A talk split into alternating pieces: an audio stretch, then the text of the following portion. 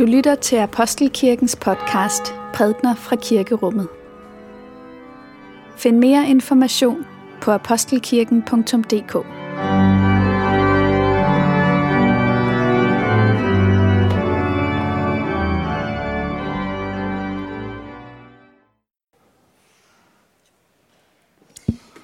Vi læser fra Matthæus evangeliet. Med Jesu Kristi fødsel gik det sådan til. Hans mor Maria var forlovet med Josef, men før de havde været sammen, viste det sig, at hun var blevet med barn ved Helligånden. Hendes mand Josef var retsindig og ønskede ikke at bringe hende i vandry, men besluttede at lade sig skille fra hende i al stilhed. Mens han tænkte på dette, se, der viste Herrens engel sig for ham i en drøm og sagde, Josef, Davids søn, vær ikke bange for at tage Maria til dig som hustru, for det barn, hun venter, er undfanget ved Helligånden. Hun skal føde en søn, og du skal give ham navnet Jesus, for han skal frelse sit folk fra deres synder. Alt dette skete for, at det skulle opfyldes, som Herren har talt ved profeten, der siger, Se, jomfruen skal blive med barn og føde en søn, og de skal give ham navnet Immanuel. Det betyder Gud med os. Da Josef var vågnet op af søvnen, gjorde han, som Herrens engel havde befalet ham, og tog hende til sig som med sin hustru.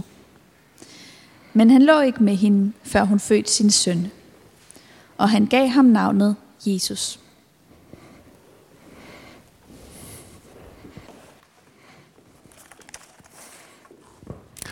Lad os bede. Gud hjælp os til at lytte til det, som du vil minde os om denne jul. Amen. Ja, i kirkens år, så markerer dagen jo en dag, det tidspunkt, hvor der er en ventetid, der er slut. Og har man børn i husstaden, så kender man det jo med julekalendere og kalenderlys og alskens nedtælling. Men nu fejrer vi, at julen er her. Den er kommet nu. Og vi fejrer, at frelseren kommer. Og fordi han er her og er hos os alle dage i året, midt i vores liv, så er julen i virkeligheden en fest, som er til hele året, ikke bare til den 24. december. Det er sådan noget, jeg tror, vi godt kan glemme. Det kan jeg i hvert fald, og derfor er det godt, at årets rytme igen og igen bringer mig tilbage til den 24. december, tilbage til julen, så jeg bliver mindet om det. Hvis vi venter på ham, som for længst er kommet, hvorfor græder vi så stadig? Sådan var der en svensk præst, der spurgte i en avisklumme i den forgangne uge. Og jeg synes, det er et godt spørgsmål, fordi glæden kan føles meget betinget. Især måske, hvis man oplever, at man har sådan lidt langt ned til sådan den barnlige side af ens sind. Glæden i sit indre. Men derfor er det stadigvæk en glæde. At noget kan opleves af os som betinget, er ikke ens betydende med, at det ikke er ægte. Og det kan den historie, vi lige har lyttet til om Josef, lære os noget om. Man kan måske godt forstå, at Josef tøvede øh, i historien, i mødet med historien om Marias øh, forunderlige graviditet. Og vi kan måske godt forstå den tøven, fordi den kan ligne en tøven, vi kender fra os selv, og vi måske også selv kan bære på over for julen og dens budskab. Med Josef der får vi indtryk af en mand, som ligesom måtte gå nogle ture med den her tanke om det her barn, der voksede i Marias liv. Han skulle ligesom vente på sig selv i virkeligheden, og, og så altså også på den her engel, han fik besøg af, som fortalte ham om, hvad det egentlig var, der var på færre. Og efter den her ventetid, efter at have gået selv med det, og efter at have fået den her besked, han fik, jamen så var det som om, at noget blev forvandlet for ham det han ventede på blev forvandlet. Noget inde i ham blev forvandlet, og så kunne han betragte den voksende mave hos Maria og det lille barn, der blev født i et nyt lys. Og julen er sådan en forvandling ind i vores verden. Og det kan godt være, at man skal gå lidt ture med den, og sådan lade englenes sang om fred på jorden ligesom være det, der hjælper tanken og hjertet på vej, hjælper vores egen venten på vej. Fordi det er jo en kold tid, vi lever i. En mørk tid, vi lever i. Og det kan virke så voldsomt, at al verdens håb og længsel skal rette sig mod et nyfødt, skrøbeligt lille bitte barn. Altså julens budskab handler om, at Gud kommer til os som et spædbarn. Han vokser op på et bestemt tidspunkt, på et bestemt sted, og han viser os Guds magt aller, aller tydeligst, da han hænger på et kors. Og det er jo en mærkelig historie. Det er en fortælling om Gud, verdens skaber, som på en eller anden måde viser sig for os som det modsatte af sig selv. Altså som skrøbeligheden og som afmagten. Og det er som om Gud ligesom flytter ind i skrøbeligheden og afmagten. Og der hvor Gud flytter ind, der sker der en forvandling. Der er der noget, der bliver til noget andet. Og, og vi kender det jo fra påskens fest, hvor døden på korset bliver til en opstandelse. Den bliver til livets sejr over døden. Den vender igen på hovedet og tager en koldbøtte. Det bliver til det modsatte af det, den så ud til at være. Og fordi Jesus gik ind i døden, så blev døden fra det øjeblik forandret. Og det er det samme med menneskelivet. Da Gud blev til et menneske, så blev det at være et menneske forandret. Da Gud blev menneske i verden, så blev verden noget andet end det, den stadigvæk kan se ud til for os at være. Og at Gud blev et skrøbeligt lille barn betyder så også, at skrøbeligheden ved livet, som jeg tror de fleste af os kender så godt, livets skrøbelighed, jamen den bliver også forvandlet, da det lille barn kommer til verden. Skrøbeligheden, som vi kender fra vores sådan tøven, betingede forholden sig til ting. Det som godt sådan, for sådan en midalderne type som mig kan blive sådan til træthed og kynisme, sådan. Jamen det kan også blive til noget andet end det, vi oplever, at det er. Der skabes ligesom i skrøbeligheden og afmagten plads til en styrke, fordi de udtrykker nogle, sk- nogle sprækker i livet, hvor Gud ligesom kan få lov til at komme til. Og der, hvor Gud kommer til, der bliver skrøbeligheden og afmagten ikke længere tegn på svaghed. Nej, det bliver en åbning for Guds nærvær, Guds tilstedeværelse i vores verden, i vores liv, i vores hjerter. Og Gud flytter ligesom ind i det, som kan se svagt ud, og så er det som om, det får en anden farve. Der hvor Gud flytter ind, så dukker der en glød op, et lys, som på en eller anden måde ikke var der før. I, I teksten fra Isaiah, som er skrevet flere hundrede år før Jesus bliver født, der læser vi om det her folk, som vandrer i mørket, der skal se et stort lys. Og det lys skinner for dem, der bor i mørkets land. Og nu bor vi i et land, som har årstider, og derfor så passer det her med lyset i mørket så usandsynligt godt til december måned. Men det passer også godt til de øjeblikke i livet, som, som ofte kan virke som om de er mere betydningsfulde af, end de andre. Og jeg ved ikke, om I kender det her med, at det, som vi i vores liv kan opleve som tungt, det føles på en eller anden måde som mere vigtigt. Som om det har mere betydning end det, som vi kan opleve som let.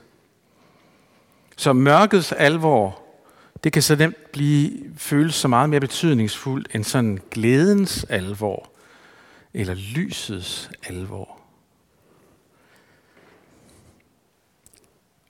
Her i julen, der venter vi sådan set på det, som allerede er sket. Jesus er blevet født, han er kommet til jord, han er hos os. Og han rækker os sin fred som en mulighed.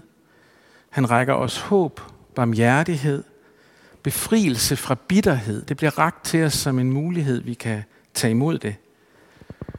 Så vi venter ikke længere som Josef på, at barnet skal fødes, men vi venter måske nogle gange lidt på os selv, at vi skal komme et sted hen, hvor vi kan tage imod det. Vi venter på os selv. Josef han kom et sted hen, hvor han ligesom kunne øh, se de her mærkværdige omstændigheder i øjnene og alligevel tage imod det lille barn, der blev født og, og glæde sig over det. Og Jesus voksede op som, som hans søn.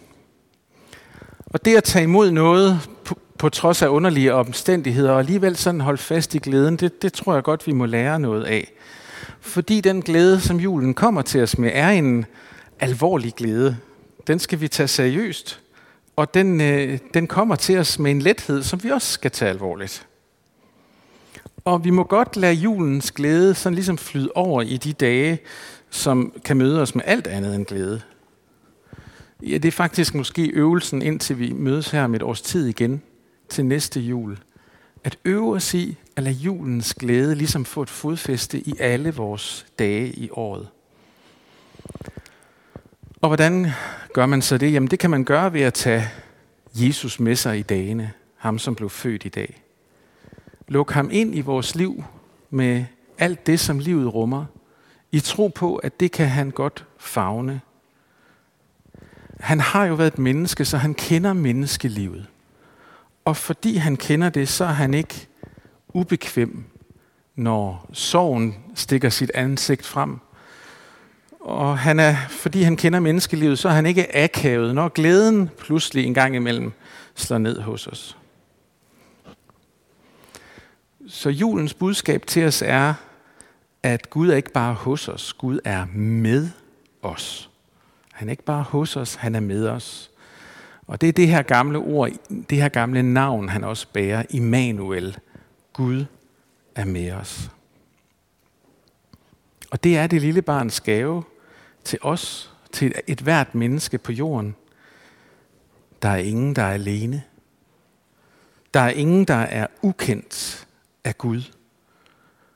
Og det, som er vores liv, det kender Jesus selv, for han har selv levet det. Han har selv været i det. Og kan vi lade os gribe lidt af det på vores tøvende og måske betingede måde, jamen, så vil vi se, at der ligger en kilde til forvandling i det. At omme bag ved glimmerrankerne og de flettede hjerter, og nedenunder kagedåserne og alle de forventninger, man kan have til sig selv og hinanden og højtiden på en dag som i dag, ja, der er og bliver Gud trofast til stede for os, hos os, med os. Og om bag alt det, vi tænkte, vi skulle nå inden i dag, der er der en, der ønsker at nå os. Det er Gud selv i det lille barn. Han giver os sig selv hver eneste dag. Vi er ikke alene. Vi er ikke ukendte af Gud. Gud er med os, Immanuel, og derfor så tør vi sige glædelig jul. Så derfor siger vi ære være faderen og sønnen og helligånden, så som det var i begyndelsen, nu er og skal være, fra evighed og til evighed. Amen.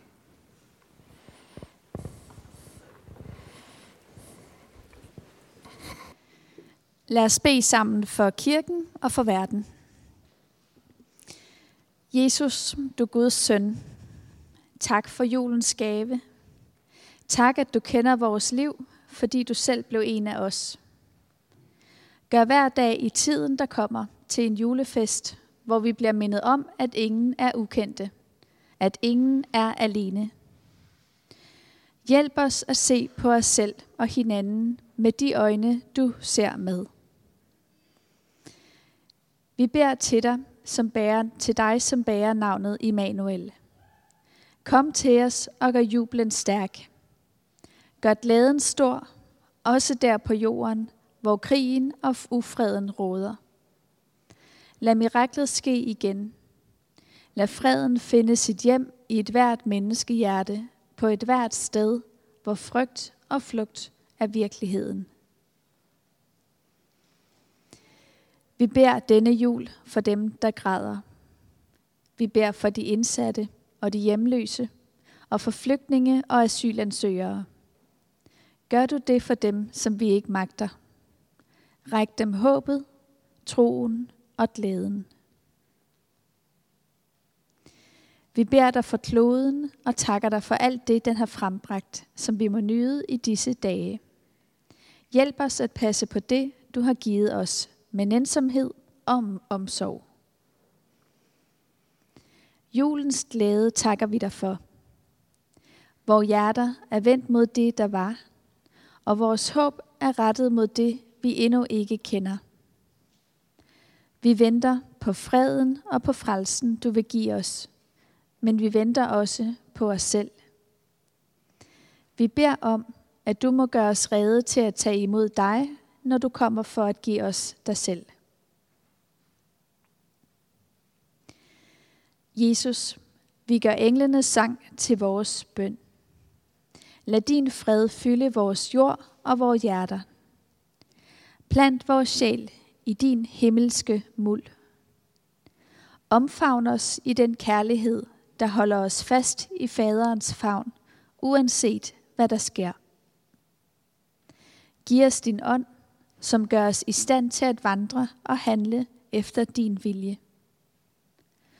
Rodfast os i den nåde, rodfast os i din nåde, som overgår alt det, vi ikke kan fatte.